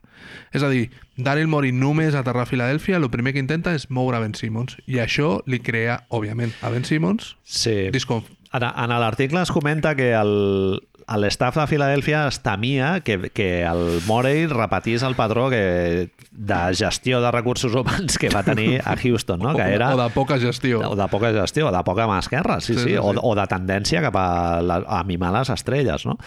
I, i de seguida van veure que seria que faria exactament el mateix que va fer amb el Harden a Houston, que és apropar-se molt al Joel Embiid quan sabien que la relació entre el, el Joel Embiid i el Ben Simmons era molt fràgil, o sigui, s'havia aconseguit que tinguessin una relació esportiva i professional més o menys cordial, es comenten a l'article, sense ser molt propera, eh, però en quan ell arriba a Filadèlfia, a qui s'a- a qui s'apropa a saco és el Joel Embiid. I clar, des del campament Ben Simmons això ho interpreten com una senyal inequívoca de que, de que no de aposta passa, per ells. de què passarà el que acabaria passant, Sí, sí. que és que l'intentarien moure. De Sí, fet, sí. es parla de que cap al final de la temporada passada, abans de tota la debacle amb Atlanta i tot això, era un dels moments on la relació entre Harden, Harden entre Embiid i Ben Simmons millor estava. És a dir, es veu que mai han sigut companys, mm, amics, ja podríem dir-ho ni companys,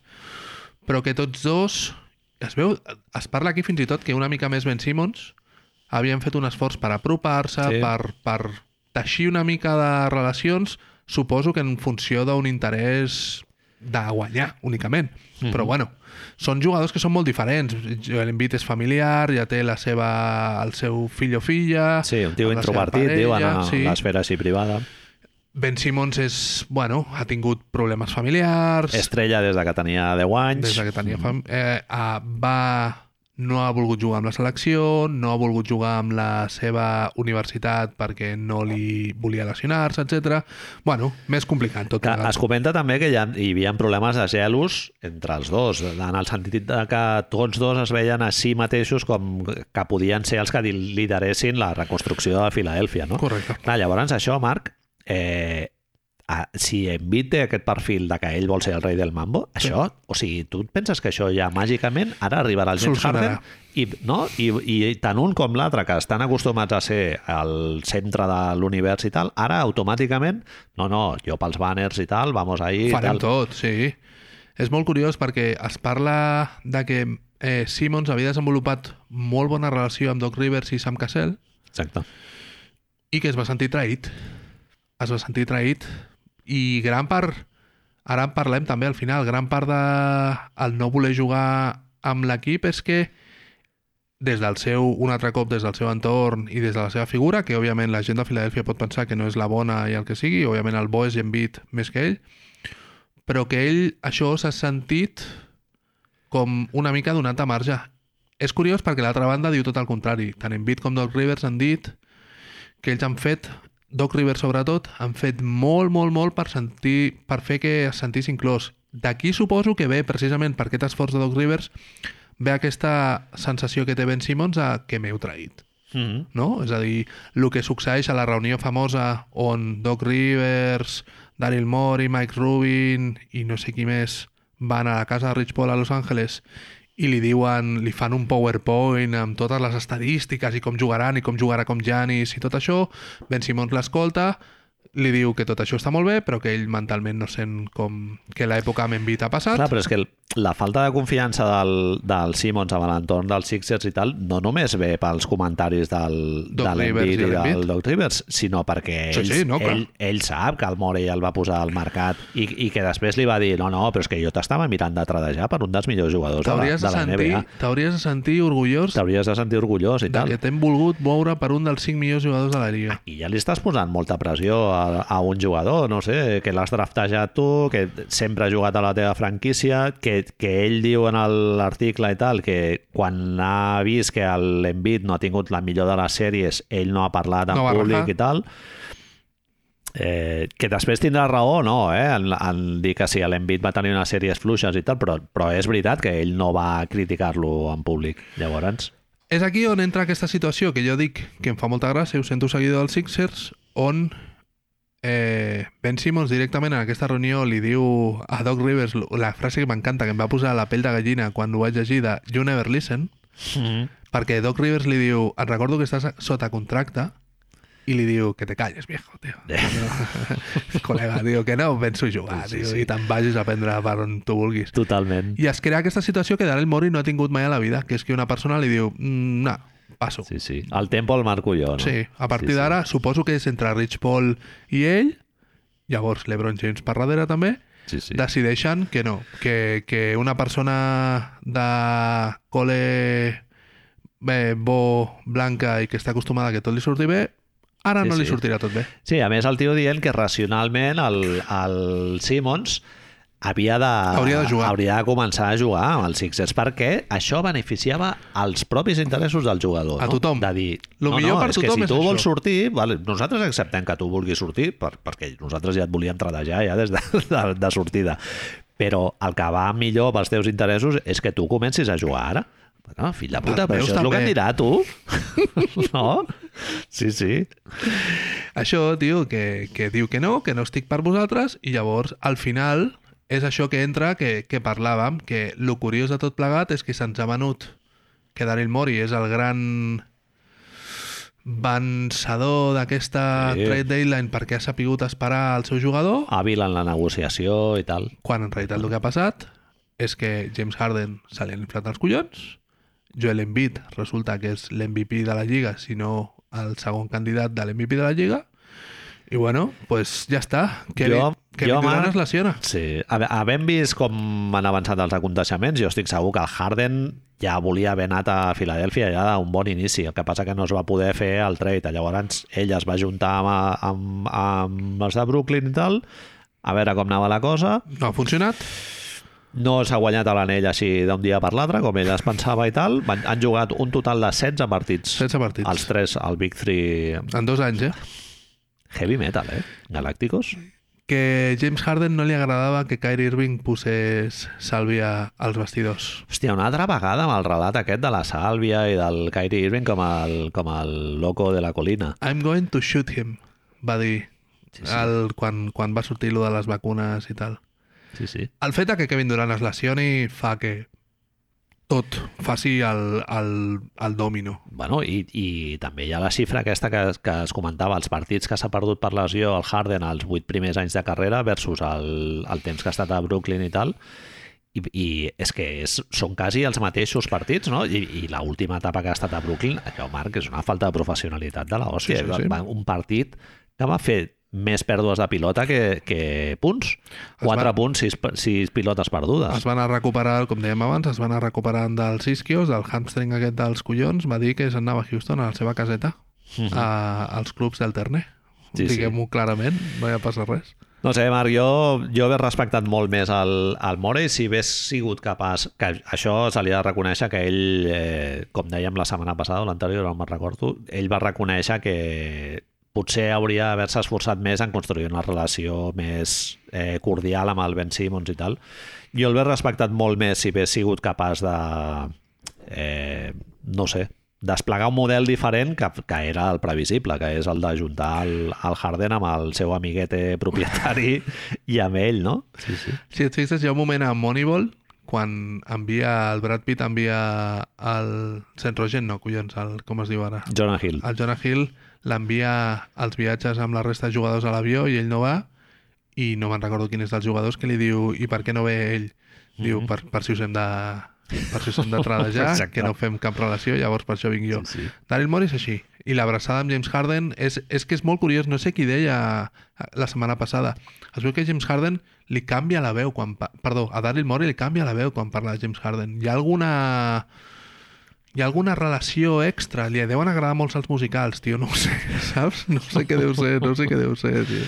Bueno, un últim detall, eh, James Harden ha agafat la player option, com era d'esperar, Ha i, entrat. i cobrarà 47 quilos l'any que ve. I ja ha acceptat. una temporada més a Filadèlfia. Però amb aquesta opció, l'any que ve segurament li faran directament ja la renovació per aquests 5 anys i 953.000 milions de dòlars, com dèiem la setmana passada, es convertirà en un dels jugadors més pagats, més ben pagats, si no el més ben Ens anem a un contracte, Marc, molt risotesco, eh? Sí, sí, sí. Jo, amb l'historial de lesions que ha tingut últimament el Harden i tal, i ara mateix està lesionat. No ens oblidem, així si et sembla tanquem, dos coses amb això que dius, torna després de l'All-Star, vale? Uh -huh. Eh, els problemes d'isquios duraran això. Es diu que Ben Simmons tornarà cap a final de mes. No ens oblidem que Ben Simmons ara mateix, tot i que pugui tot i que l'estat de forma no sigui el millor, per això que parlàvem l'altre dia d'anar al dir, diagonal, etc. ell no pot jugar ara mateix, perquè si juga ara mateix, les seves suposades problemes mentals de sobte estan en entredit i el que ell es vol tornar a guanyar els no sé quants milions de dòlars que anirà a l'arbitratge es parla de que anirà a final de mes Ah, un moment, explica'm això de l'arbitratge. O sigui, ell encara té una causa pendent amb Filadèlfia Sí, en la sí, que sí, sí. reclama a part del els sou, calés. diguéssim. Eh, segons Ben Simmons hi ha una causa O sigui, ell, ell diu que està de baixa, diguem. hi ha una causa fidedigna Vale. per la qual no estigui jugant. El problema és que per aquesta causa fidedigna els, els Sixers diuen que no ha fet tots els processos legals perquè això succeeixi, que és presentar-se davant dels seus metges, intentar jugar, etc. Ben Simmons diu que no ho ha fet tot això perquè no pot, i llavors algú haurà de decidir si això és veritat o no. I, òbviament, Ah. si juga demà, doncs Clar. això, això no passa. Va ser molt graciós que amb aquest vídeo que parlàvem abans de James Harden sortint de l'avió, ell va arribar tard a Filadèlfia Uh -huh. i a l'arribar tard a Filadèlfia Sí, els Nets no van poder fer que Curry i Drummond juguessin el partit contra, sí. no me'n recordo qui, que van acabar per- perdent. sí, sí, sí. Brooklyn porta 11 derrotes seguides. Petty eh? Games. Sí, sí, sí. I com a dato final, Manel, eh, l'estudi aquell que van fer sobre els strip clubs i Harden, Sí, quan jugava els seus bons partits a les, a les ciutats on pitjor eren els strip clubs, deixa'm que, que et digui Brooklyn i? Filadèlfia tenen la mateixa puntuació. És a dir, que no canviarà Isquios, molt. isquios tremolant, eh? No canviarà molt. I els millors clubs a Google de d'Alterne a Filadèlfia són masculins.